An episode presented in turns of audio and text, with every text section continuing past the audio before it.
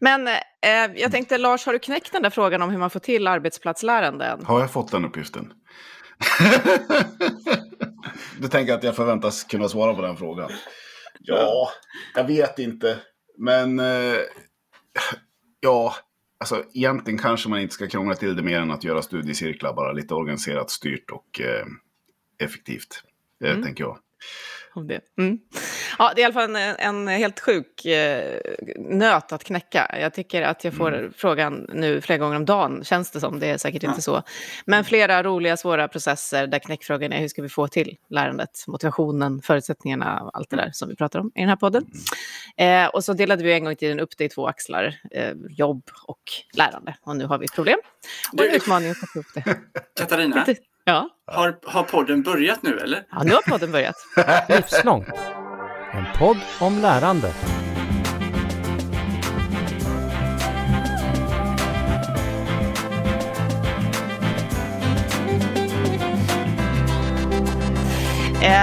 Men under de här svåra processerna då, som jag pratar om, så kommer det en massa intressanta personer i ens blickfång eh, som tittar på frågan från olika infallsvinklar. Och det är du en sån veckans gäst, Martin Lakeus. Så du är varmt välkommen till mig och Lars Lingman på Livslångt.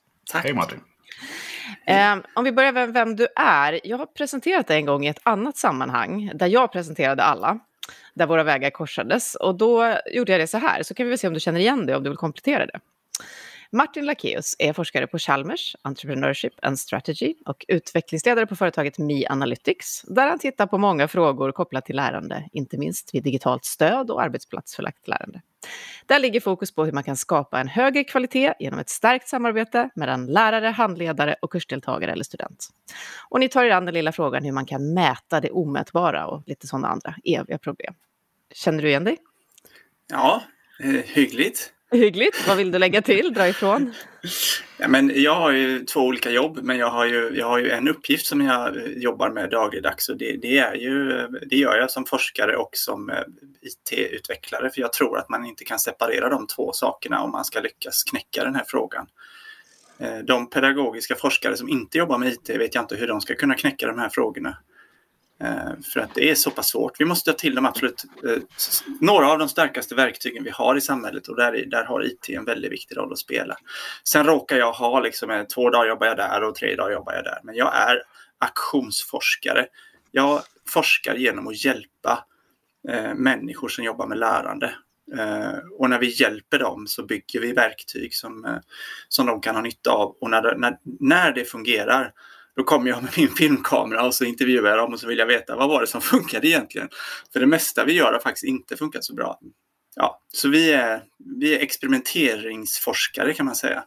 Eh, mm. Inte så långt från oss. Men när du säger för att lösa den här frågan, hur ringer du in den? Hur beskriver du den här frågan? Ja, jag skulle säga att eh, det som min forskning har handlat om är gränslandet mellan utbildning och arbetslivet. Eh, och, och, det är ett, ett, antal rebeller som jobbar ute i utkanten av respektive system, långt ifrån maktcentrat eh, i respektive system. Eh, de springer runt där i vassen och, och, försöker att göra saker som är väldigt udda, som man tycker är rätt ointressanta i centret. Så utbildningscentret tittar snett på de här yrkesutbildarna som, som är där ute i vassen och försöker att koppla sig mot arbetslivet. Och I arbetslivet så har vi de som försöker att jobba med extremt kraftfullt lärande. Eh, det går ju inte att fakturera, så de är också sedda som rebeller. Insurgents eh, såg jag någon som skriva om detta då. Liksom. Så jag jobbar med de här eh, avarterna i respektive system och så tittar jag på gränslandet mellan de här två systemen. Eh, och så jobbar jag i massa olika små, små bubblor kallar jag dem. Bubblor av eh, eh, eh, eh ex, exempel på när lärande och arbete blandas. Ehm, Eh, Fula bubblor kanske en del tycker. Jag tycker de är supervackra. Jag tycker det är det vackraste som vi har sett. Varför då fula? För att de tycker ju att det är så ointressant. Eh, och de tycker att det är fel fokus. Eh, inom utbildning ska vi jobba med lärande. Vi ska inte jobba med att skapa värde för mm. andra. Eller vi ska inte jobba med arbete. Det är oakademiskt. Mm. Och inom, inom arbetslivet så ska vi jobba med det som kunderna vill att vi ska göra idag. Vi ska inte sitta och fundera på vad de vill göra om 20 år. Det är ingen som betalar för det, så det får ni lägga av med med en gång. Så det här är ju liksom eh, fula verksamheter som, som driver bort ifrån vårt huvudmål i respektive område. Mm. Och, och, vad är drivkrafterna hos dig som har fått dig att vilja ta dig an det här, de här fula bubblorna som är de vackraste du vet? Vad är det som gör att du verkligen vill eh, gå in där? Du sa att det handlade lite om, om dig och det skolan eller utbildningen gjorde med dig. Ja, jag har ju upp, upptäckt att jag är som lyckligast i livet när jag är i en sån där bubbla. Och tycker egentligen att eh, jag, jag, jag fick den här frågan, vad är min relation till livslångt lärande? Och då skulle jag säga att det, det är min viktigaste livsdrog. Det är det lyckopiller jag behöver eh, varje dag, varje vecka för att må bra. Eh, och om jag har för mycket lärande och för lite arbete som blir bra för andra, då blir jag olycklig om jag har för mycket arbete som är bra för andra men för lite lärande och utveckling, då blir jag olycklig. Så att för mig är det här, eh, det, är en, eh, det är det som gör mitt liv värt att leva, kan man säga. Mm. Mm. Så det är en ganska stark drivkraft. Och då vill jag ju att fler ska få uppleva den glädjen som det innebär att vara i den där, de där vackra bubblorna. Jag ser att du ler igenkännande, Lars. Vad tänker du?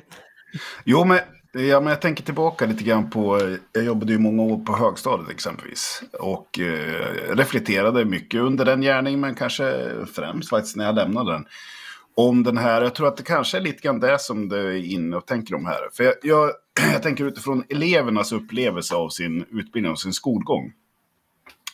Där vi kunde se man kunde ju se, det här gällde kanske inte riktigt alla elever, men den stora majoriteten. Varje gång det fanns en tydlig koppling, connection till deras så att säga, verkliga liv, eller det som var väldigt närvarande i dem. Elever på högstadiet har ganska svårt att, att projicera någon idé om vad de skulle behöva när de är 20 år gamla eller gå in i något yrke. Men det som, om man kunde connecta till det som var närvarande hos dem just nu i deras verkliga liv, vad det nu än var för någonting. Då tändes ju glöd och, och det skedde ett uppvaknande. Och då gjorde jag en reflektion där om att det, det finns en liksom, kan finnas en känsla av att gå in i en bubbla. Du använder ju bubbla här också Martin. När de kommer till skolan. Och där lär man sig för det som finns i bubblan, vilket är betyget eller läraren och sådana saker. Och eh, om det är så att man upplever det på det viset, då blir ju eh, drivkrafterna blir väldigt konstiga för eleverna. De mm. upplever liksom att de är någonstans som inte är connectad till verkligheten. Och det upplevs som att det blir apart liksom, eh, från deras verkliga liv. Och då blir det väldigt, väldigt omständigt för ganska många elever liksom, att skapa sig genuina drivkrafter. Mm. Jag blir väldigt nyfiken då eftersom vi ju sitter i olika sammanhang och tittar på hur ska vi då skapa lärande genom utbildning eller på andra sätt för vuxna. Och då refererar ju många till den här tiden som du pratar om nu Lars. Att den skoltiden minns jag, den gjorde inte det för mig som jag hade velat. Eh, jag vill inte gå utbildning. Känner du igen det här Martin?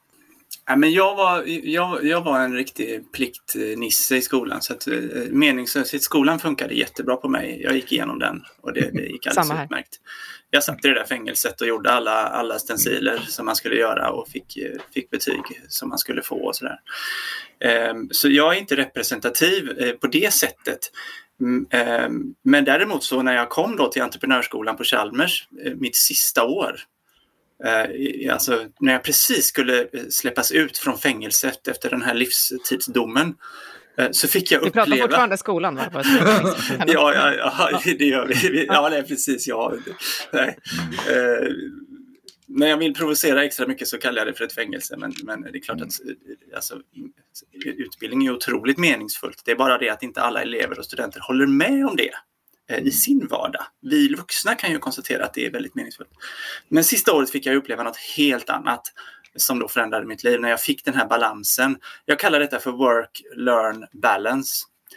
Eh, balans mellan då eh, eget lärande och att skapa värde för andra som vi brukar kalla för work eller arbete. Liksom. Vi gör ju arbete för att eh, vi gör saker vi måste göra för att det är bra för andra och då får vi lön. Liksom, och så kallar vi det för work.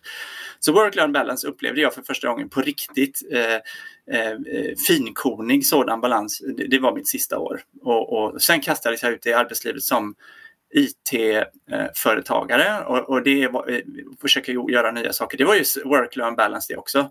För vi skulle bygga upp en helt ny produkt eh, inom logistik och eh, det var ju extremlärande där också. Så då hade jag work-learn balance ytterligare mm. eh, åtta år. Så nio år av work-learn balance fick jag då och sen så kom jag tillbaka och blev forskare på ett bananskal och då fick jag också work-learn balance för då kunde jag jobba som aktionsforskare där jag hjälpte andra och fick lära mig av vad som funkade. Så jag har ju haft work-learn balance nu i banne mig sedan 2001. Wow. Lyxigt. Ja, Det är verkligen. så jäkla lyxigt. Och jag, jag tänker så här, det är ju inte, det är så här de flesta inte har det. Och jag tycker det är orättvist att, att vi ska ha ett samhälle som är så här skiktat. Vi har utbildningssilon där du aldrig får skapa värde från annan.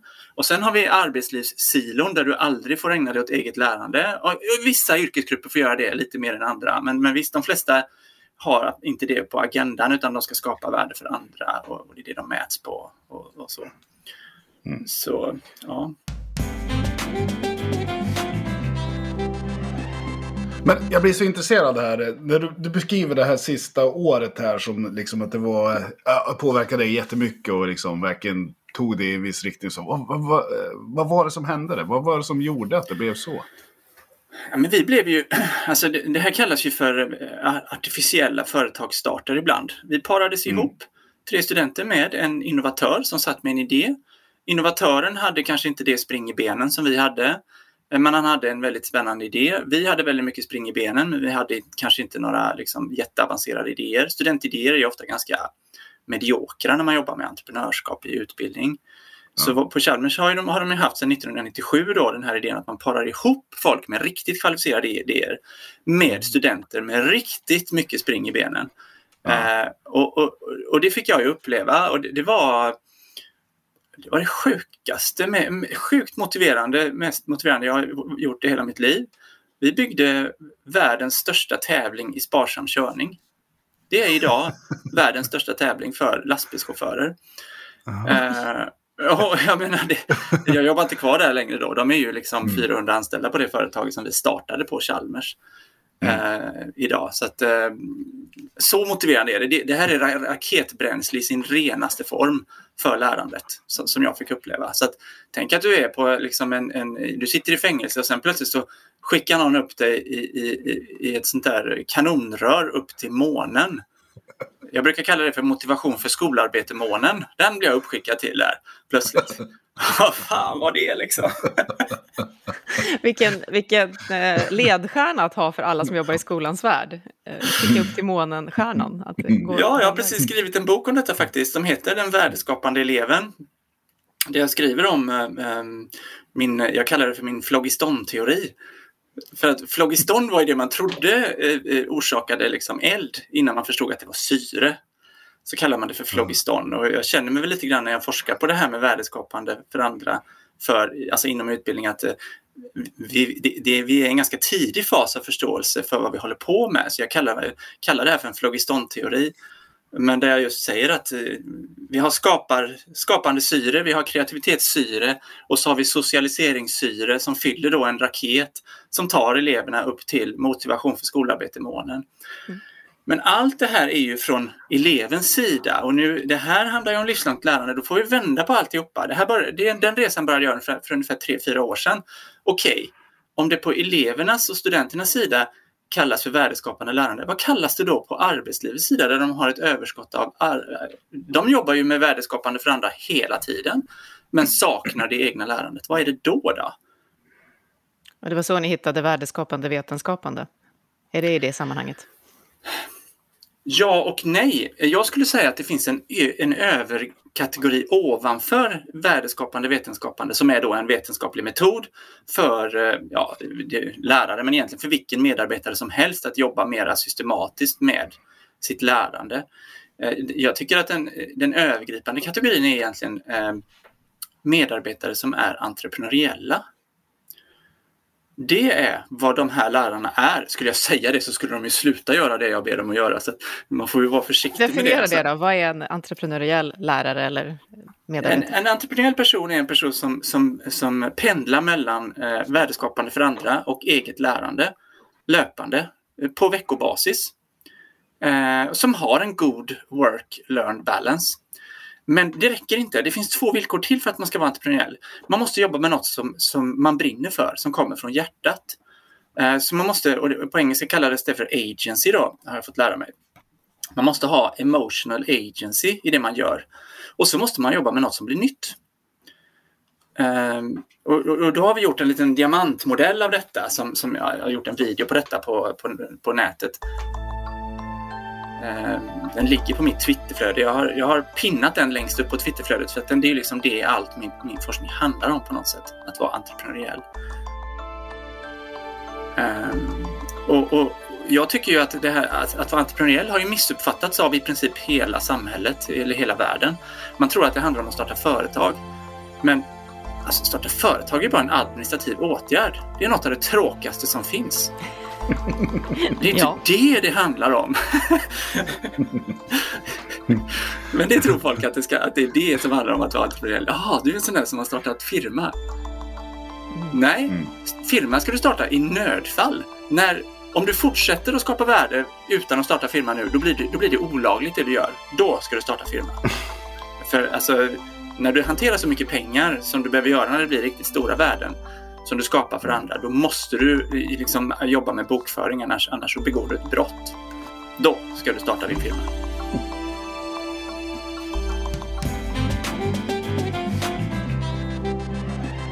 Jag måste bara fråga då, du pratar om en värdeskapande elev och du pratar om entreprenörskap i en mängd olika processer.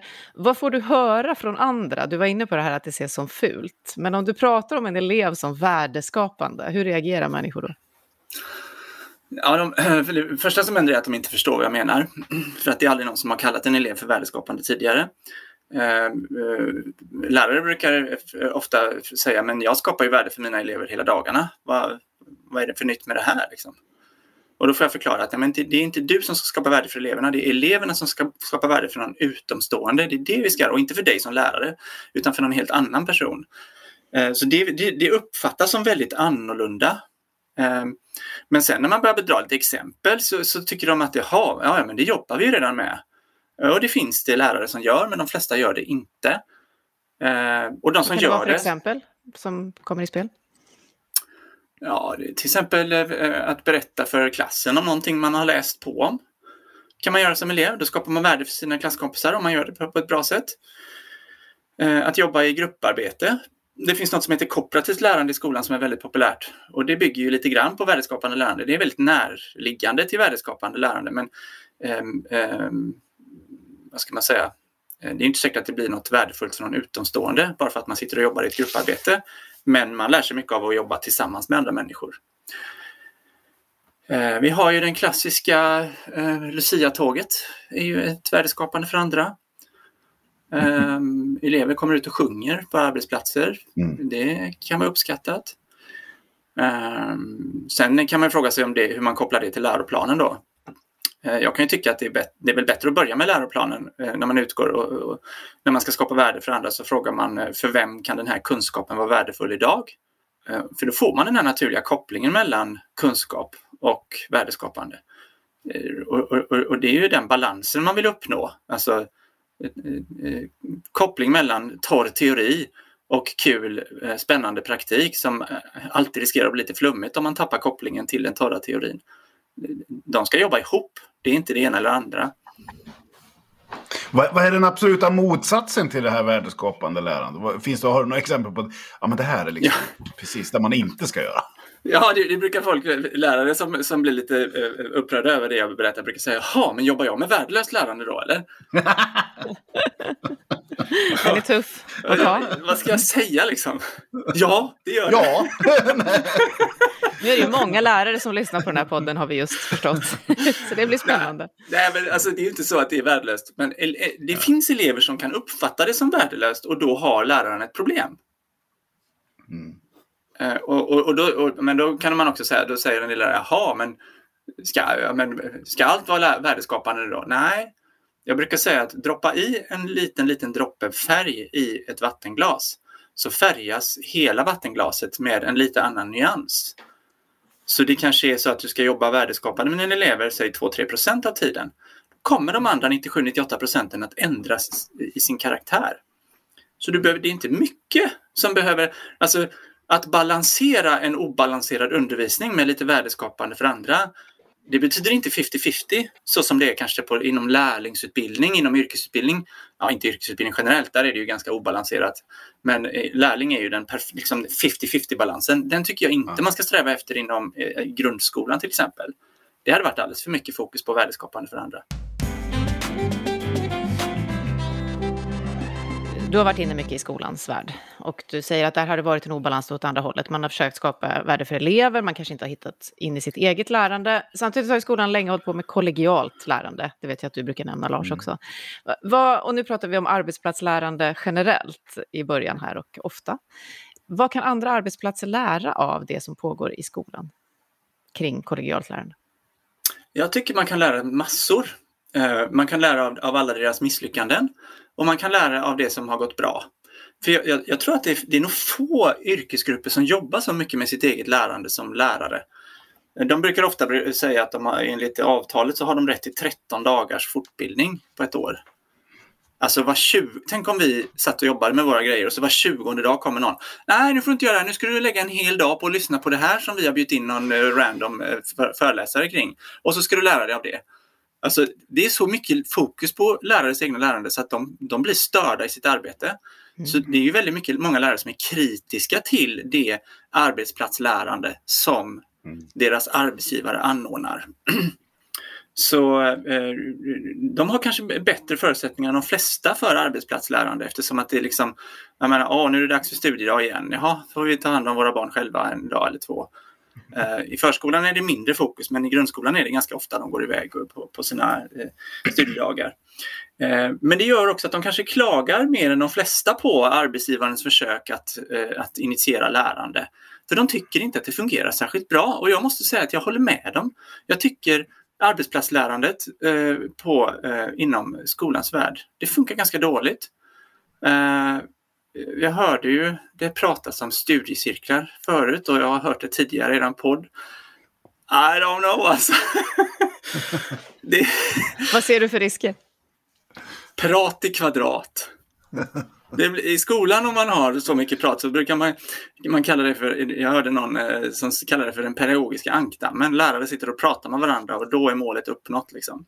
Mm. Nej, det krävs något mer än prat för att lärande ska ske. Du måste gå från teori till praktik. Eh, du måste ha handlingsorienterade uppdrag, kallar vi det i vårt arbetssätt, eh, som vi har landat i. Eh, du kan absolut komma på en föreläsning men den ska sedan följas av ett antal konkreta handlingsorienterade uppdrag som du måste pröva i din vardag. Eh, och det där måstet där är ju också ett problem då.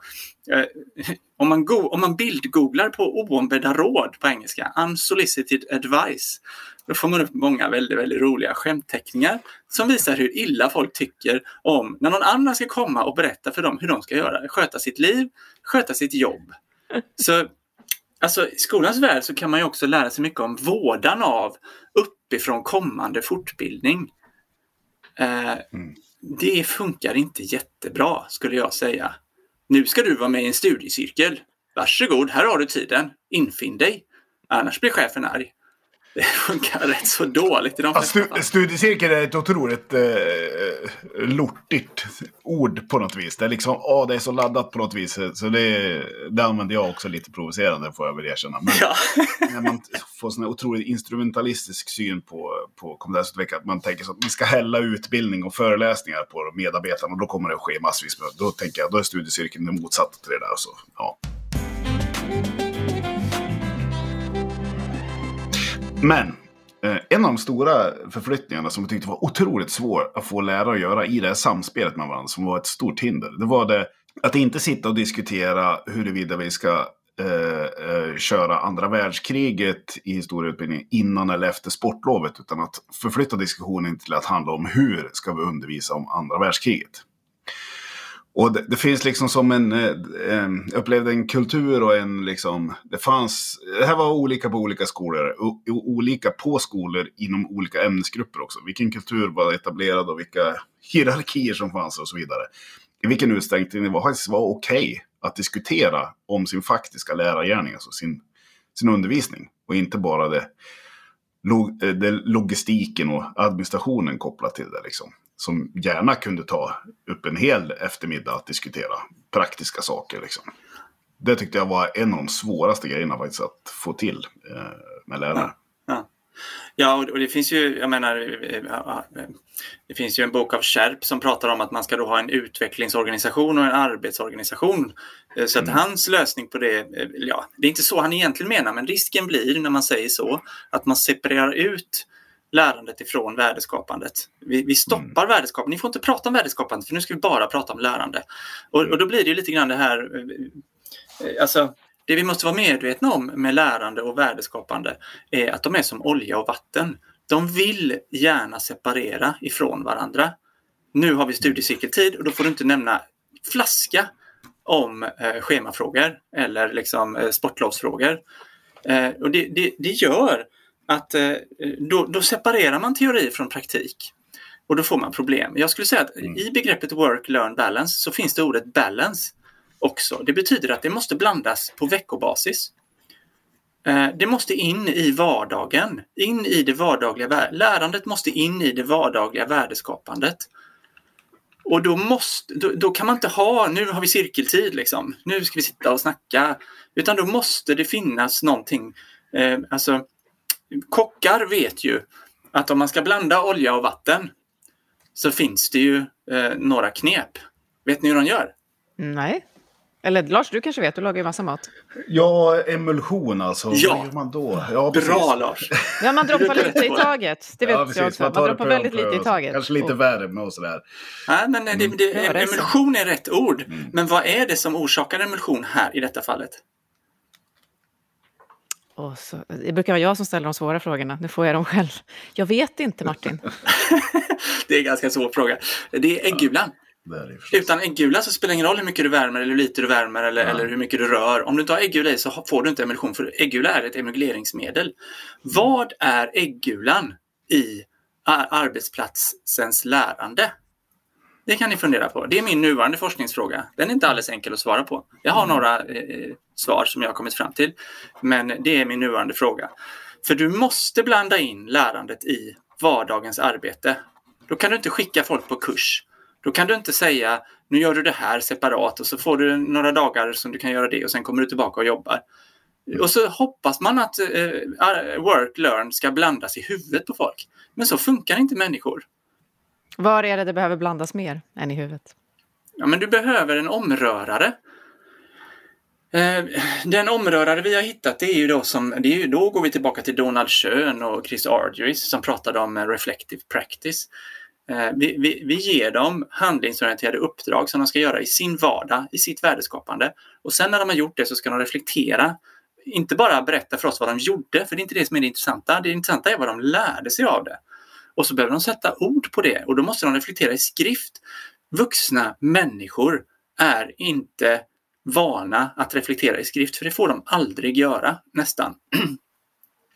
Vi brukar säga att eh, våra elever de lär sig det. Eh, efter, efter ett tag så blir de bättre och bättre på att reflektera i skrift. Men vi ser exakt samma sak hos vuxna människor. De blir också bättre och bättre på att reflektera i skrift. För det har de inte behövt göra tidigare. De ska göra något i sin praktik och så ska de reflektera över det. Och den reflektionen ska sedan samlas in, eh, för det är data, det är forskningsdata. Och sen ska det, eh, processen beforskas. Och den ska inte beforskas av någon utomstående viktig Petter som mig, utan den ska beforskas av medarbetarna själva. Det är därför min eh, bok som handlar om den här metoden, den heter Den vetenskapande läraren. Det är läraren som ska vetenskapa. Det är inte någon utomstående som ska säga Eh, som ska ge de här oombedda råden, utan det är läraren själv som ska vetenskapa. Och därför är vi en del av en rebellstyrka, skulle jag säga. Vi, vi sätter vapnen i händerna på lärarna så att de kan hantera sitt lärande på ett mycket mer systematiskt och vetenskapligt sätt. Då har vi också fått lite, lite mothugg från akademin, för akademin, forskare vill ju gärna att forskaryrket ska finnas kvar. Så att de vill gärna sköta det här med forskning. Det kan ju inte lärarna göra själva. Det, hur skulle det gå liksom? Så det tycker de inte om. Och, och myndigheterna tycker ju att myndigheterna ska sköta det här med liksom, vi ska ju sköta de här processerna, det kan vi inte lärarna sköta själva. Så då blir de också nervösa. Vad ska Skolverket göra då, då om lärarna sköter sitt eget lärande? Vad ska? Vi är ju massa folk här som måste ha något att göra hela dagarna. Ska de göra det själva? Det stressar folk jättemycket. Men förklara varför det var så viktigt med att det, blir, alltså att det är en skriftlig reflektion. För det kommer ju som sagt att möta en hel del utmaningar när man ber folk att skriftligt reflektera. Oavsett om det är i skolan eller om det är i yrkeslivet. Eller arbetslivet. Ja, ja det, det, finns tre sätt att välja på. Muntligt, muntlig reflektion, skriftlig reflektion och sifferbaserad eh, eh liksom, eh, sensemaking. Eh, muntligt kollegialt lärande är ju det som eh, eh, dominerar i skolan. Det behövs också, men, men det finns en utmaning med muntligt kollegialt lärande. Om jag, om jag ska sedan analysera vad man har lärt sig så är det något av de mest tidskrävande analysmetoden du kan tänka dig. För du ska spela in, du ska transkribera vad som sades, du ska leta mönster i, det, i, i i de transkriberingarna. Det finns ingen människa i någonstans i arbetslivet som har den tiden att analysera det. Eh, då finns eh, ett annat sätt och det är skriftligt kollegialt lärande.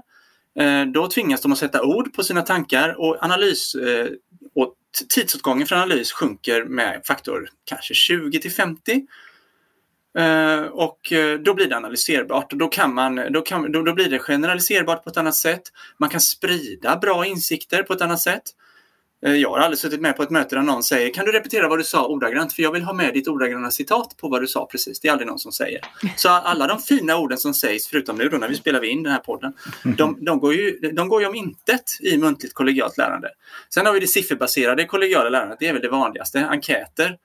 Eh, eh, och, och folk är ju så trötta på de här enkäterna. Mm. Medarbetarenkät. Alltså jag har, jag har slutat att gå på mötena. Det känns jättekul i mig när du säger det. Jag, jag, jag, jag, tycker det är så menings, meningslöshetsenkät kan vi kalla den. För då sitter de, ah, den här har folk svarat 4,3 på. Vad betyder det? Ja, men alltså, det, är ju som att, det är ju som att spå i kaffesump. Liksom. Det säger ju ingenting om varför utfallet är på det sättet som det är. Så jag skulle säga att sifferbaserad eh, siff, si, alltså, Skriftligt kollegialt lärande har absolut sina för och nackdelar, men det är det bästa jag har sett.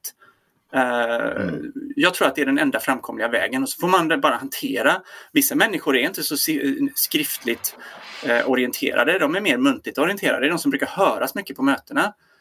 Uh, så när man går över till skriftligt kollegialt lärande så brukar man höra från de som är ansvariga jag fick syn på helt nya tankar från helt nya personer som, som hade massa bra tankar. Ja, men det är för att de inte säger det i mötena utan du får ju alltid bara höra samma människor som... Så är det väl på alla arbetsplatser. Några, alltså en, 10% hörs 90% av tiden. Så är det inte när man går över till skrift. Stora utmaningen för alla oss som faciliterar många samtal, det är just det. Mm. Ja.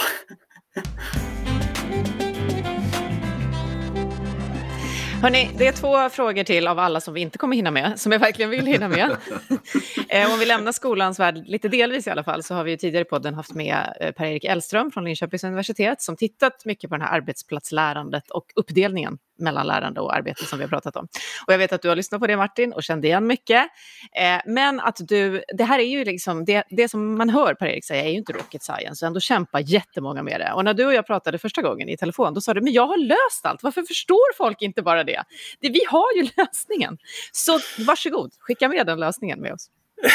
ja, det, ja den, den, har jag skrivit ner i två böcker så att det är klart att eh, nu ställer jag inte dra dem nu, alltså. inför det här problemet. Ska jag berätta det som då eh, omfattar ungefär 500 sidor på, på, på eh, en halv minut? Nej, det är lite svårt. Men, men det var faktiskt så när vi lyssnade på Per-Eriks eh, eh, podd så sa vi så här hur fasen kan han veta allt det där utan att ha gått igenom den processen vi har gjort? Har, eh, har, han spionerat på oss, skojar vi om. För hur kan han veta allt det där? Det, det där vi håller med honom till 100 procent. Eh, och, och, har kommit fram till att det måste vara på det sättet genom att experimentera i ett decennium med en massa praktiker. Det, det har kanske Per-Erik också gjort, vad vet jag. Eh, men eh, ja, vad, vad, vad, vad, är det då som vi har kommit fram till? Eh, jo, vi, vi har kommit fram till eh, att man måste strukturera upp lärandet. Man måste effektivisera det, man måste förtydliga processen. Eh, och då, då, måste man använda IT. Du kan inte strukturera upp en sån här process utan IT. Eh, och eh, du behöver någon form av eh, digitalt stöd som kopplar ihop handling med reflektion i vardagen och som möjliggör analys på ett vetenskapligt sätt av hur en viss insats fungerar, vilka effekter som det ger att göra ditt eller datt. Och den som gör den analysen ska helst vara medarbetaren själv eh, så nära praktiken som möjligt. Helst ska du ha ett team av 6-7 personer så ska en av de 6-7 personerna vara den som analyserar eh, hur det faktiskt eh, gick. Och, och, när man jobbar på det här sättet Eh, och vi har ju fått uppfinna ett sådant IT-stöd för att det fanns ju inget. Det fanns ju inget som var i närheten av att facilitera processerna på det sättet. När vi använder det IT-stödet och jobbar på det här sättet, eh, då skulle jag säga det fungerar faktiskt. Det funkar riktigt bra och människor blir så lyckliga när de får det livslånga lärandet att fungera. Uh, alltså, vi har så många one-liners, vi har så många citat från folk som har berättat. Ah, ja, men du vet, nu senast, jag satt i möte tidigare i veckan med, med några från socialtjänsten. Ja, men när jag kommer igång med det här, varför har jag inte gjort det här tidigare? Alltså det är sådär som man bara... Uh, men, men sen är det ju, det är ju inte enkelt bara för det. Alltså jag skulle säga det att du behöver en ganska hög ambitionsnivå för att ge dig in i den typen av lärande som vi ser att vi kan få arbetsplatser att, att ge sig in i. Eh, de behöver gå en forskarutbildning, inte femårig så att man blir doktor. För att eh, det, jag påstår att man inte behöver det om man ska göra det. Alltså, det behöver man om man ska utveckla nya metoder eller om man ska välja mellan alla olika eh, forskningsmetoder som finns. Men här har vi en snitslad bana som vi har arbetat upp i metoddjungeln, i den vetenskapliga metoddjungeln. För att följa den snitslade banan, så det kan man lära sig på 3-4 månader. Men man, men, men man kan inte lära sig det på 3-4 dagar. Det går inte.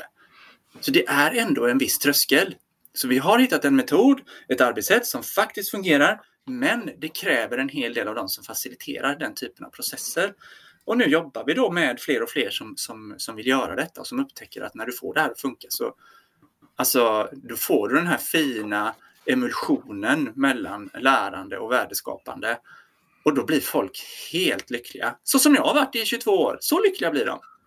Och det var min andra fråga, den här lyckan som du precis knöt ihop så fint själv och som jag redan hade gjort i huvudet. Du började med att prata om att få bli lycklig av det här och nu försöker du få andra att känna den lyckan. Hur viktig är känslans makt i de här processerna? Ehm, det är den viktigaste kraften av dem alla skulle jag säga. Alltså jag började min forskarbana Eftersom det här hade varit en sån emotionell eh, eh, berg och dalbana för mig, att jobba på det här sättet, jag hade ju tio år av att vara lycklig, men jag visste ju också att alltså det, det, är ju, det är ju topparna och dalarna man blir lycklig av, inte det raka strecket. Eh, så att eh, jag byggde ju ett verktyg som skulle fånga folks känslomässigt starka upplevelser. Det var ju så vi började skissa på ett IT-stöd. Så vi fångade ju när de var som lyckligast och när de var som, faktiskt också som olyckligast och som mest eh, negativt känslomässiga. Och där hittade vi liksom det vi sökte efter på något sätt. Och jag skulle säga att eh, jag till exempel upptäckte att eh, om du ger folk ett uppdrag som de ska göra, så gör de det och så reflekterar de över det, så skriver de ner sin reflektion. Om då inte någon finns där och läser den reflektionen och skriver en, två meningar, då kommer de sluta reflektera. Varför då? Jo, för att vi människor är känslovarelser. Vi vill ha den där känslosamma återkopplingen från någon som bryr sig. Om du skickar ner saker som folk ska pröva och sen så är du inte där och lyssnar på vad de tycker att de kom fram till och lärde sig. Då fattar de, ah, det är ingen som bryr sig. Ja, då tänker jag, fasen de inte heller bryr mig. Så känslomässigt styrda är vi människor. Men om man har den där lilla, lilla reflektionen som kommer då, eh, och, särskilt om det är från en chef eller från en expert, eller, eller det kan också det. vara från en ganska nära kollega. Och då, då ska ju de där personerna ha tid att göra det där att ge den där feedbacken. Uh, och jag får så ofta den frågan, hur lång tid tar det att feedbacka? kan vi skriva in det i Excel-arket? Många meningar ska jag skriva? Exakt. Nej, vi får väldigt mycket sådana frågor och så säger vi det. Om du inte ger den feedbacken, då kan du skita i allt annat. Då, glöm hela projektet. Stäng av allt vad vi gör tillsammans, för då kommer mm. det inte att fungera. Mm. Och det de brukar göra då, cheferna som är extra stressade, är att då hittar de någon annan som kan vara ansvarig för processen som kan då feedbacka. Och det brukar oftast fungera bättre. Så om vi har en skolledare till exempel, eller en, eller en högre chef som, som tycker det är viktigt med arbetsplatsens lärande, men som inte tycker det är så viktigt att han eller hon har tid att och, och ge lite feedback, då måste den personen delegera det ansvaret till någon annan. Det mm. kan också fungera.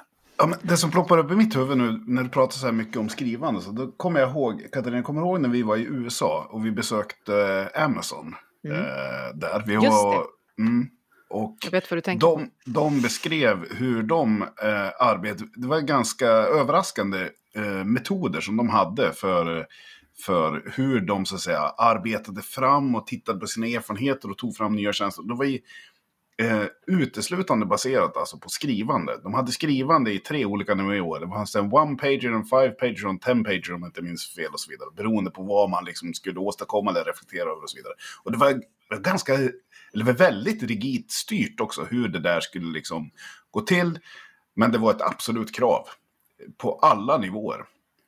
Skrivande var liksom helt inbäddat i företagets liksom arbetsmodeller. Och Amazon kan man ju tycka mycket om, men de är ju väldigt framgångsrika på, på många sätt.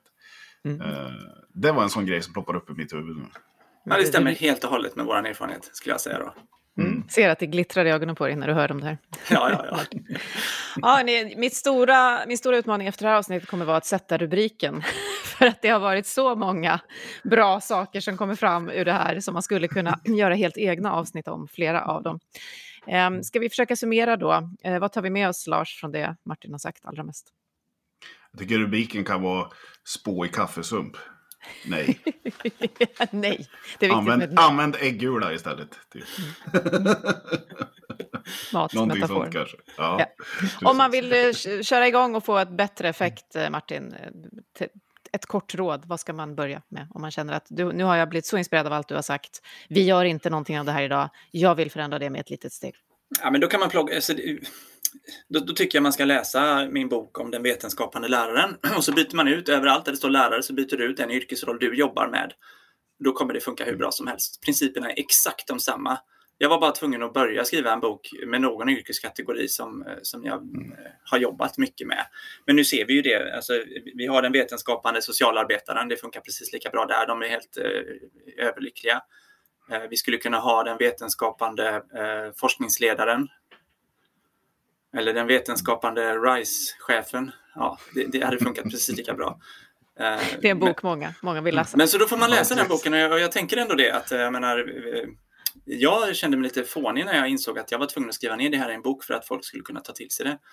Eh, videos och alla möjliga andra varianter, men, men eh, det är bok som gäller. Det är där man startar om man vill veta mer om detta.